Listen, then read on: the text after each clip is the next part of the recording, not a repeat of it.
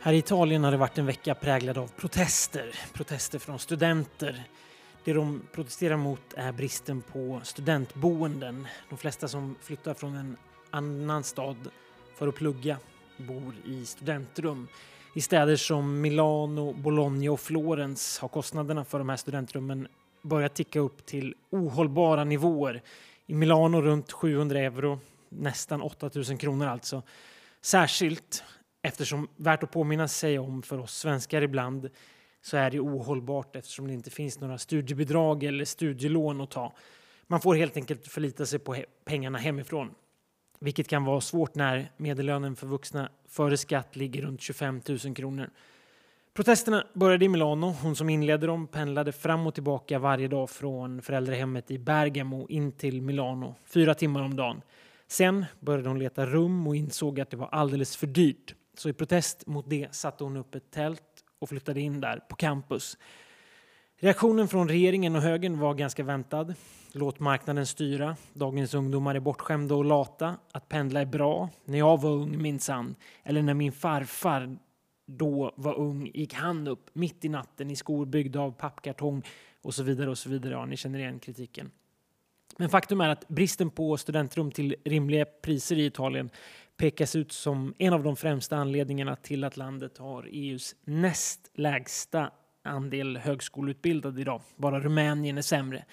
Jag tänkte läsa delar ur en ledartext från vänstertidningen La Repubblica som jag fastnade för i helgen med rubriken Vi kan inte lämna de unga. Problem med bostäder finns i många städer och inte bara för studenter. I 50 år har Italien saknat en bostadspolitik. Inte bara är priserna skyhöga, men de senaste åren har också de nya fattiga förändrats. De är unga med låg utbildning.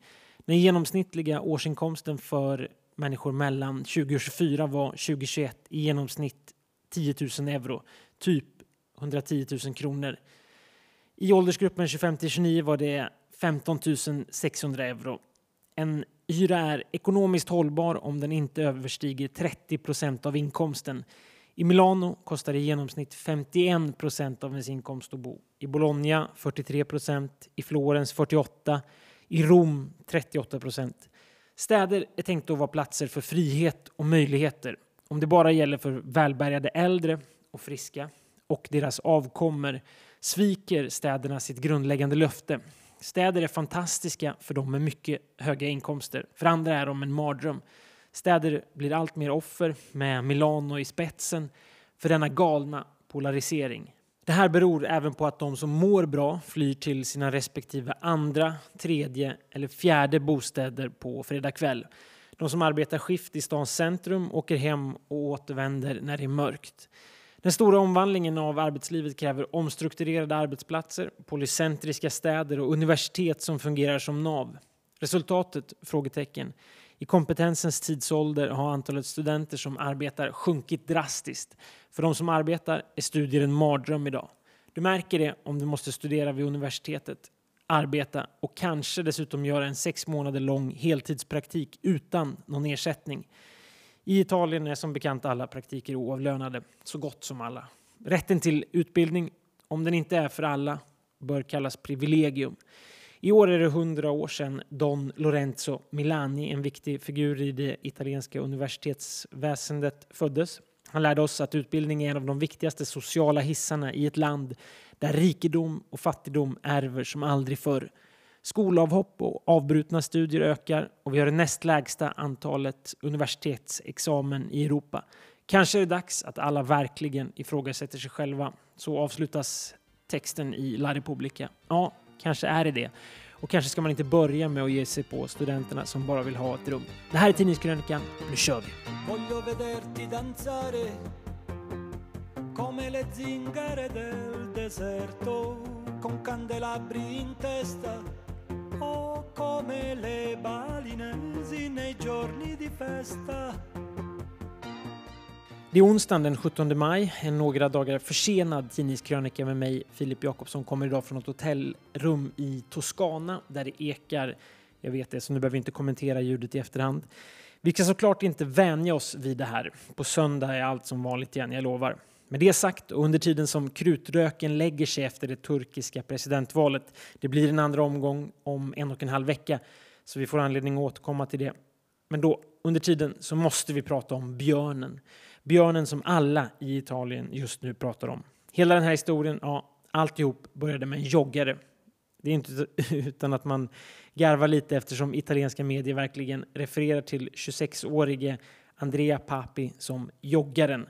Han hittades död i början av april efter att ha dött i en björnattack under en löprunda nära sitt hem i Caldes i Trentino. Någon vecka senare infångades den 17-åriga björnhonan JJ4. Analyser liknande de som en kriminaltekniker genomför efter ett mord pekade ut henne som den skyldiga. Så långt kanske inga eller få frågetecken. En aggressiv och närgående björn dödar en människa. Människan fångar och avlivar björnen eh, som förresten 2020 ska ha genomfört en liknande attack. Men i Italien, där björnfrågan påminner om den svenska vargfrågan med djurrättsaktivister och storstad på ena sidan mot jordbrukare och landsbygd på den andra, finns som bekant ofta ett men. Den planerade avlivningen har lett till protester från aktivister runt om i landet och i den elfte timmen så presenterade en djurrättsorganisation nya bevis som de hävdar friar JJ4. De hävdar att bitmärkena på Andrea Papis kropp ska ha kommit från en hane. JJ4 är en hona. Eh, oskyldigt inlåst var rubriken hos högertidningen Libero förra veckan. Om JJ4 är oskyldig betyder det att en mördare går fri utbrast eh, jordbruksministern Francesco Lollobrigida häromdagen.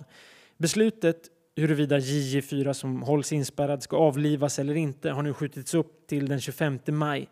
Då ska en domstol i Trentino avgöra hennes öde. De som verkar bry sig allra minst om framtiden för björnhonan JJ4, eller Gaia som aktivisterna kallar henne, är de anhöriga till joggaren Andrea Papi. Eftersom hans död kommit att involvera hela Italien och frågan blivit allt mer infekterad har deras advokater nu rutit till mot hatet som sprids på nätet efter sonens död, skriver eh, La Repubblica. Föräldrarna skriver i ett uttalande att vår son nu dör en andra gång, men inte i en björnattack utan i en attack från lejonen vid sina tangentbord. För några veckor sedan slog en rejäl värmesmocka mot Spanien med över 35 grader. I slutet av april var det här. Och jag tänkte läsa några rader ur en ledartext från spanska mitten högertidningen El País som eh, publicerades i helgen. Den är som vanligt fylld av den där teknikoptimismen som brukar prägla liberala ledarsidor när det gäller klimatfrågor. Tänk DN, typ. Det är skönt att vara optimist när det är 35 grader i april temperaturer som aldrig uppmätts förut. Men den här är ändå förhållandevis ärlig. Rubriken är Om april är det nya juli. Hur kommer då juli att vara? Det kan vara skönt att fira nyår i Barcelona vid 20 grader eller njuta av sommarvärme i Madrid på våren. Men vi borde vara oroliga. De här händelserna varnar för en kommande katastrof. Förändringen av årstiderna betyder att vi kommer att se mer extrema väder i framtiden. Värmeböljorna vi såg förra året kunde ha varit värre. Rekordtemperaturer och en växande vattenkris, till exempel attacken mot den spanska biologiska mångfalden i Doñana och torkan i Katalonien visar att delar av Spanien riskerar att bli obeboeliga. Klimatförändringar påverkar människor olika beroende på hur mycket pengar de har. De rika kan fly till kallare platser eller sätta på dyra luftkonditioneringar. Men de som inte har råd riskerar mer under extremt väder. Klimatförändringar är en fråga om ojämlikhet. Alla kommande politiska val kommer att handla om klimatet. Den här meningen tycker jag är väldigt intressant. Alla kommande politiska val kommer att handla om klimatet. Spanien går till val i höst. Resultaten kommer att påverka mänsklighetens överlevnad. Rätt politik kan göra städer mer beboeliga. Specifika åtgärder som att plantera fler träd, minska antalet bilar och öka antalet offentliga vattenkällor kan sänka temperaturerna och förbättra livskvaliteten. Om april får oss att tänka på hur juli kommer att vara borde 2023 få oss att tänka på hur 2027 kommer att vara om vi inte vidtar nödvändiga åtgärder nu. Till sist bara en liten rekommendation. Snart har den italienska filmen Le Otto Montagne premiär i Sverige, De åtta bergen. Jag tror redan nu att det till och med går att boka biljetter till olika förhandsvisningar i flera svenska städer. Det är en helt fantastisk film som häromveckan fick priset David di Donatello för bästa film. Italiens motsvarighet till Guldbaggen eller Oscars om man så vill. Jag har sett den och den är värd sina två och en halv timmar. Radio Tirana trasmette musiche balcaniche mentre danzatori bulgari a piedi nudi sui braccieri ardenti. Nell'Irlanda del Nord, nelle balere estive, coppie di anziani che ballano al ritmo di sette ottavi.